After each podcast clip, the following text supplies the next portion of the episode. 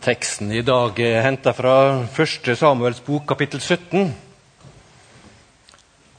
David spurte de mennene som sto sammen med han, hva var det han skulle få, den mannen som feller filisteren og tar ei slik vanære bort fra Israel?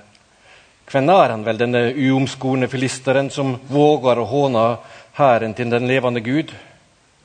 Folket tok opp at det som var sagt. Det og det skal han få som feller han. Eliab, eldste bror til David, hørte hva han tala med mennene om. Han ble sint på David og sa, 'Hvorfor er du kommet hit ned?' 'Hvem har du fått til å gjete den verste saueflokken ute i ørkenen?' 'Jeg veit hvor frekk og vond du er. Du er bare kommet hit for å se på slaget.' 'Hva galt har jeg nå gjort?' svarer David. Det var da bare et spørsmål. Så vendte han seg fra bror sin og spurte en annen om det samme, og folket gav han det samme svaret som første gangen. Det spurte snart hva David hadde sagt, og det ble kunngjort for Saul, som sendte båd etter han.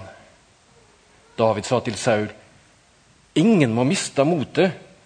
Tjeneren din skal gå og kjempe med denne filisteren.' Men Saul svarer, du kan ikke gå mot filisteren og kjempe med han. Da er du bare unggutten, og han har vært kriger helt fra ungdommen. Da sa David, tjeneren din har gitt småfe for far sin. Kom det da ei løve eller en bjørn og tok et fe fra flokken, sprang jeg etter udyret, slo det og rei feet utover gapet på det. Og reiste det seg mot meg, treiv jeg det i skjegget og slo det i hjel. Både løve og bjørn har tjeneren din felt, og det skal gå den uomskårne filisteren som deg, for han har hånt den levende Guds hær. Og David la til, Herren som har berga meg fra løve og bjørn, han skal nok òg berga meg fra denne filisteren. Da sa Saul til David, Gå, måtte Herren være med deg. Så let han David få sine egne klær, sette en bronsehjelm på hodet hans og hadde på han ei brynje. David batt sverdet til Saul utenpå kledet og prøvde å gå, men til fånyttes. For han hadde aldri prøvd det før. Jeg greier ikke å gå med dette på meg, sa han til Saul. Jeg er ikke vant med det. Så la han det av seg og tok heller staven sin i handa. Valgte seg ut fem glatte steiner fra elvefaret og la dem i gjetertaska som han bar over aksla. Slynja hadde han i handa. Så gikk han fram mot filisteren. I Imean kom filisteren nærere og nærere David, og skjoldbærerne gikk før han. Da filisteren så framfor seg og fikk øye på David, fnyste han foraktelig av han, for David var bare unggutten, raulett og vakker å se til. Tror jeg er en hund siden du kommer imot meg med kjepper? ropa filisteren til David. Og han forbanna David ved gudene sine. Kom hit til meg, sa han, så skal jeg gi kjøttet ditt til fuglene under himmelen og dyra på marka. David svarer, du kommer mot meg med sverd, spyd og sabel, men jeg kommer mot deg i navnet til Herren over herskarene, Han som er Gud for Israels hær, Han som du har hånt. Slik lyder Herrens ord. Til dere som ikke var her sist søndag, eller som kanskje er bare på besøk i dag, så har vi en serie i høst i bymenigheten som vi pleier å ha. Noen ganger følger vi tekstrekkene, men ofte så har vi en temaserie sammen med det vi gjør oss i cellegruppene, og får det til å henge sammen. Og I år så heter det 'Sakte fart om emosjonell sunnhet og sunn åndelighet'. Og Det er store temaer, og vi er innom noe av det her. Og så prøver vi å dekke det litt gjennom podkast og litt andre ting underveis. Og i gruppene så snakker jeg også om det og ser mer i tekstene som følger serien. Så det er et forsøk på å prøve å gå sammen og komme litt dypere inn i materie som på en måte er litt utfordrende, men som vi tror er viktig.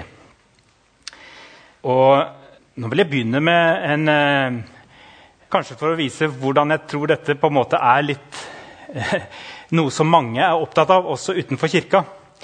Så skal jeg gjengi det jeg hørte i går kveld når jeg så på Skal vi danse All Stars. For da var det en som sa jeg vokste opp med å tenke at jeg er samisk. Men så var det noen som sa at det er du jo ikke.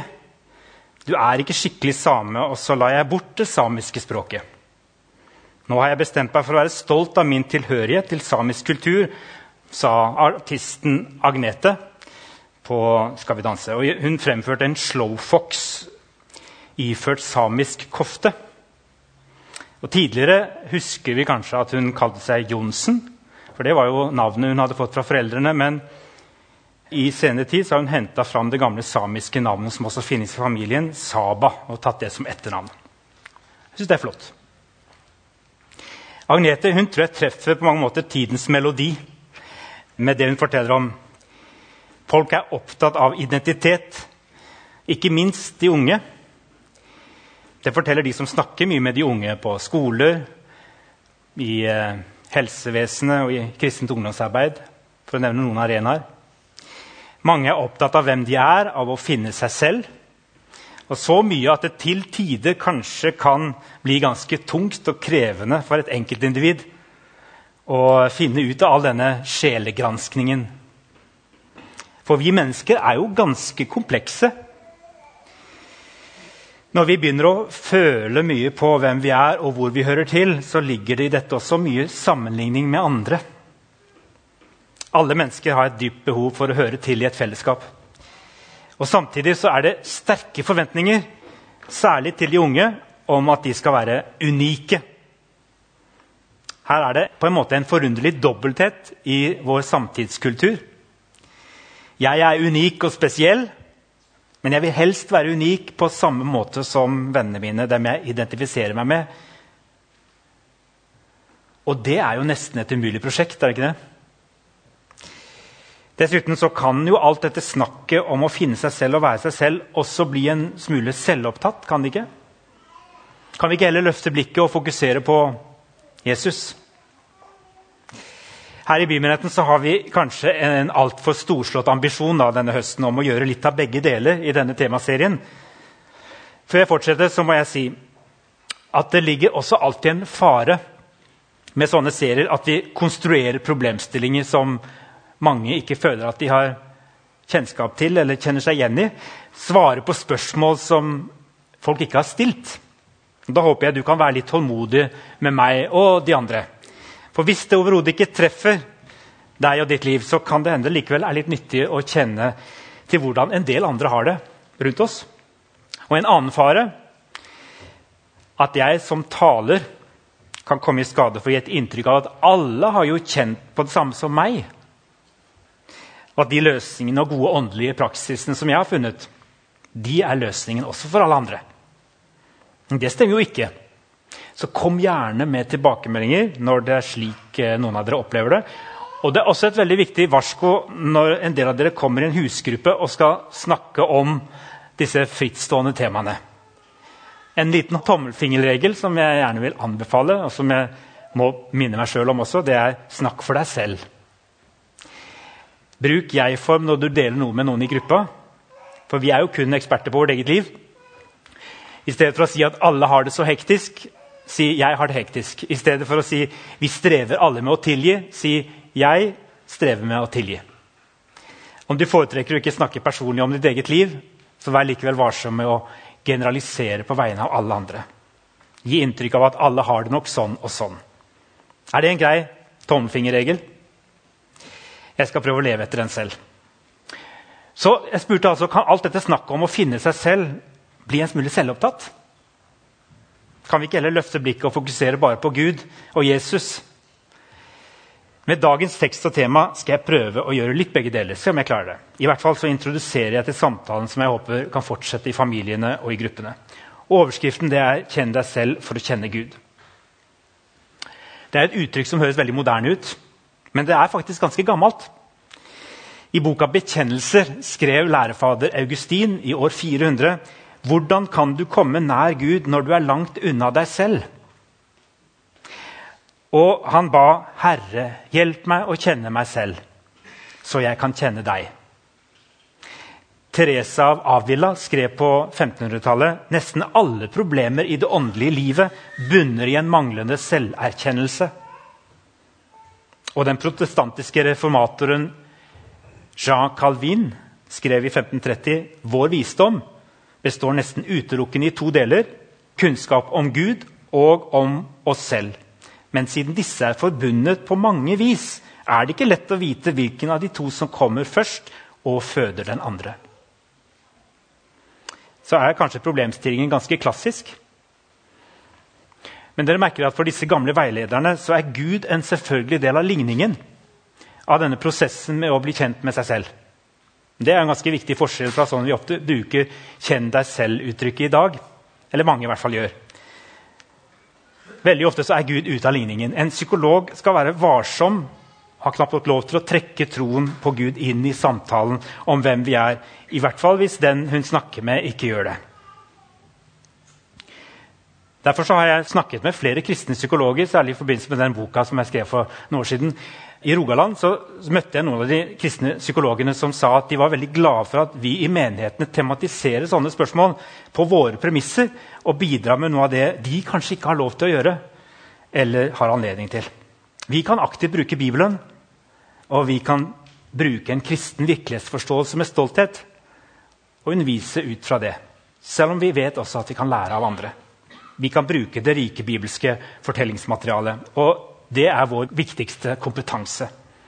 Sist søndag vi var samlet, så var det profeten Jonah jeg var litt innom. I dag er det David som er den bibelske hovedpersonen. I kirkas historie er det ganske god tradisjon for å plassere David inn i den større fortellingen i Bibelen som et forbilde og et frampek på Jesus. Jesus var både Davids sønn og Guds sønn.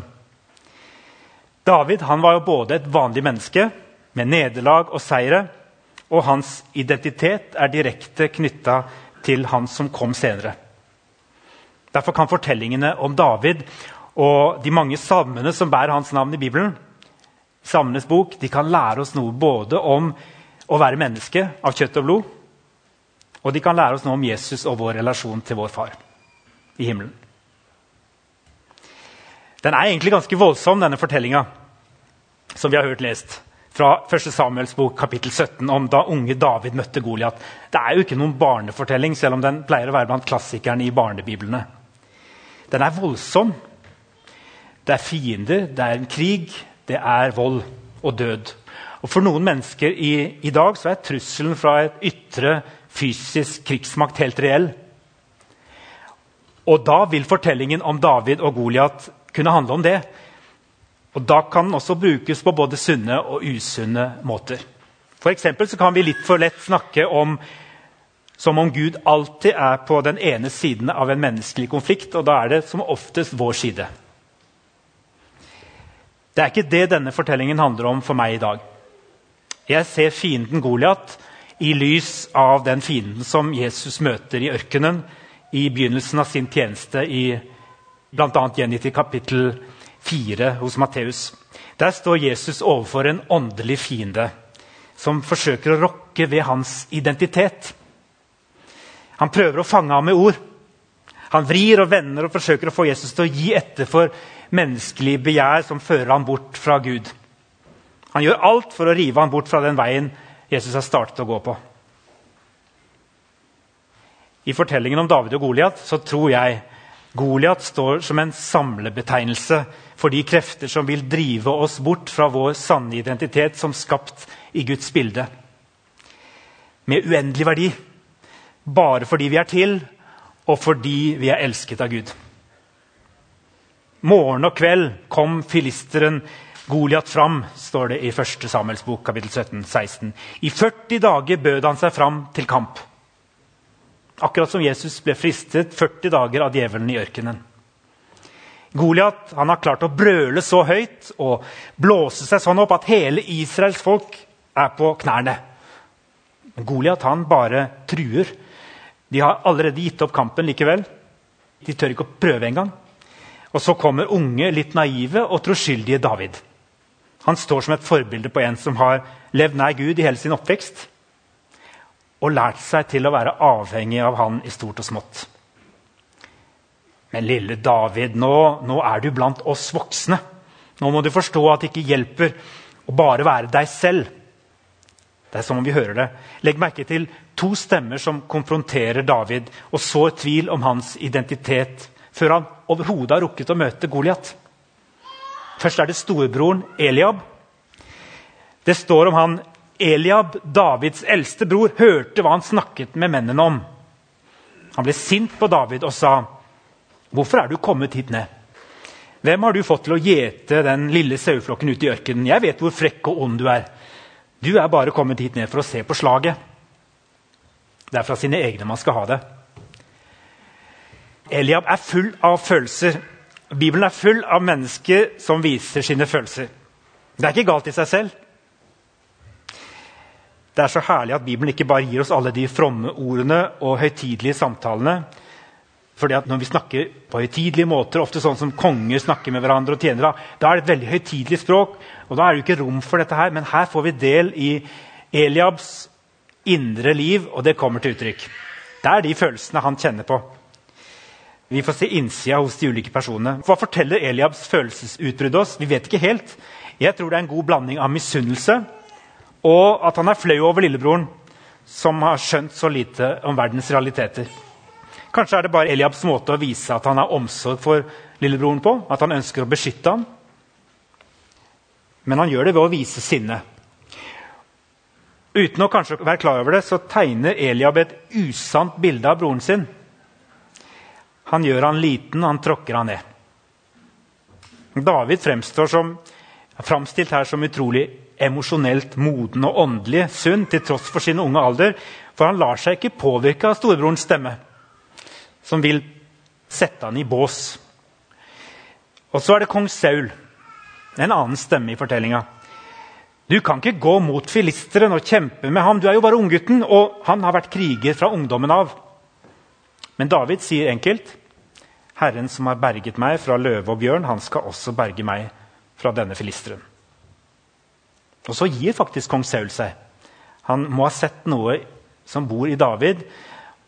Og så gir han likevel i første gang et vilkår. Han sier han må ta på seg Sauls rustning. Og Igjen er det kanskje en blanding av god voksen omsorg og litt sånn nedlatende arroganse som kommer fram. Jeg kjenner meg ganske godt igjen i Saul. Jeg tror så lett at den rustningen, de redskapene som jeg selv har fått gjennom livet, de er riktige for andre. Og så, jeg, og så er de til og med det kanskje på et eller annet tidspunkt, men kanskje ikke akkurat nå. Hvis jeg gir deg min rustning nå, så blir du kanskje til noe annet enn deg selv og, og det du var skapt til å være, eller det du var kalt til å gjøre nå. Jeg greide ikke å gå med dette på meg, sier David til Saul. Jeg er ikke vant til det. Og Så la han det av seg, og i stedet tok han staven i hånden og noen steiner i slynga. De neste minuttene står David overfor Goliat, som forsøker å spille på Davids frykt og snakke han ned. Her fins det absolutt ingen omsorg. Her er det egentlig bare ondskap. I hvert fall slik det framstilles for oss. Det er ganske svart-hvitt med Goliat. Denne gangen vinner David. Seinere i livet går han også på nederlag han som de fleste av oss, han går på nederlag både som krigerkonge for Israel og i sitt personlige liv med fristelser og utroskap. Penger, makt og sex, dette triangelet, som ofte truer de beste og mest gudfryktige mennesker til å miste sin integritet og sin gudsrelasjon. Kanskje, kanskje ikke minst etter hvert som en blir eldre og får så mye mer å håndtere. Men David han framstår likevel som et forbilde, også som voksen. For selv når han svikter totalt, så tar han imot god veiledning fra en som vil han vel, profeten Nathan, og han erkjenner sin skyld. Og David han evner på et vis å ha kontakt med seg selv og med Gud. Både i sine seire og sine nederlag. Og Derfor blir han et forbilde helt fram til Jesus. Jeg skal si bitte litt om Jesus her, som David peker fram mot til slutt. Men La meg bare få smette inn en liten kort refleksjon før vi går mot avslutning. Og Det handler om, om det som også er et sånn underliggende tema i dag og i det dere snakker om i denne serien. Og Det er dette med fornuft og følelser som en del av det som Gud forholder seg til når han møter oss. Selv om vi kan holde fram Bibelen og holde fram den og si at det er vår kilde til kunnskap om oss selv og om det evige liv og om vår frelse, selv når vi åpner Bibelen og leser i den, så må vi bruke vår fornuft og våre sanser.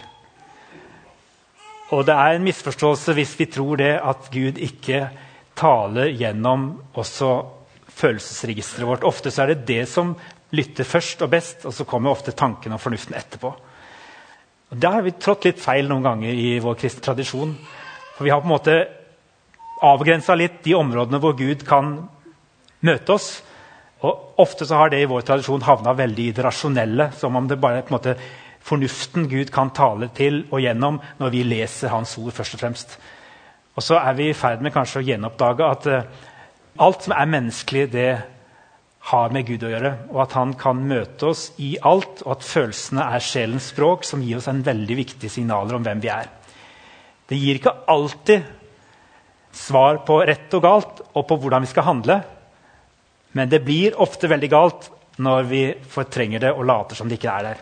Og Derfor så synes jeg det er flott å hente fram disse bibelske fortellingene om mennesker som ikke tar på seg fasader og som ikke gjør seg til, men som utfordrer oss med hele sin menneskelighet. Og likevel så lever de innenfor Guds ansikt. Til slutt husker jeg jeg sa at både Davids liv og hans salmer har noe profetisk over seg. De lærer oss både noe om oss selv og om Jesus. La meg gi et konkret eksempel fra Salme 8, som er en Davidssalme. Den handler om mennesket i sin relasjon til Gud, vår skaper. Når jeg ser din himmel, et verk av dine fingre, månen og stjernene, hva er da et menneske? ydmykhet. Men ikke selvforakt, men en veldig bevissthet om at her er jeg, jeg er et menneske, jeg er skapt av Gud, Gud er der. Jeg er ikke Gud. Og Så fortsetter han likevel og så sier han, du satte ham, altså mennesket, lite lavere enn Gud og kronet ham med herlighet og ære. Ja, vi er bare mennesker, men i Guds bilde så er vi lite lavere enn Gud. Og Dette er den fantastiske dobbeltheten i det kristne menneskesynet. Men så er denne salmen også en profeti om Jesus.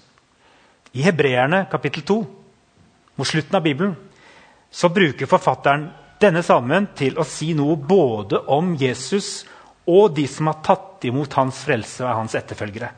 Etter å ha sitert denne salmen bokstavelig, så sier han som skriver hebreerbrevet da Gud la alt under ham, da var det ingenting unntatt. Alt skulle underlegges ham. Ennå kan vi ikke se at alt er lagt under ham. Men Jesus, som for en kort tid var stilt lavere enn englene, ham ser vi nå kronet med herlighet og ære fordi han led døden. Er ikke lenger David og ikke engang heller bare mennesket det snakkes om i samme måte, men det er menneskesønnen. Og så er det han vi ser på, og så blir vi menneskelige i lys av han. For da fortsetter Hebrebrevet Gud ville føre mange barn til herlighet. For ham og ved ham er alle ting. Han som helliggjør, og de som blir helliggjort, kommer fra den ene. Derfor skammer ikke sønnen seg over å kalle dem søsken, altså oss. Siden barna er av kjøtt og blod, måtte også han fullt ut bli som dem. Altså fullt ut bli som oss. Slik skulle han ved sin død gjøre ende på ham som har dødens makt. Det er djevelen og befri dem som av frykt for døden var i slaveri gjennom hele livet. Fordi han selv led og ble fristet, kan han hjelpe dem som blir fristet. Det er den Jesus vi har med oss i livet. Han som har blitt fristet, som har vunnet over djevelen. Og derfor kan han hjelpe alle oss som blir fristet. Så Still oss åpen for han, ta imot han, ikke bære falske rustninger eller rustninger som ikke hjelper oss, men til å åpent stille oss for Han og ta imot Hans hjelp i møte med vonde ting som treffer oss. Herre, hjelp oss til å bli kjent med oss selv for å bli enda bedre kjent med deg. Amen.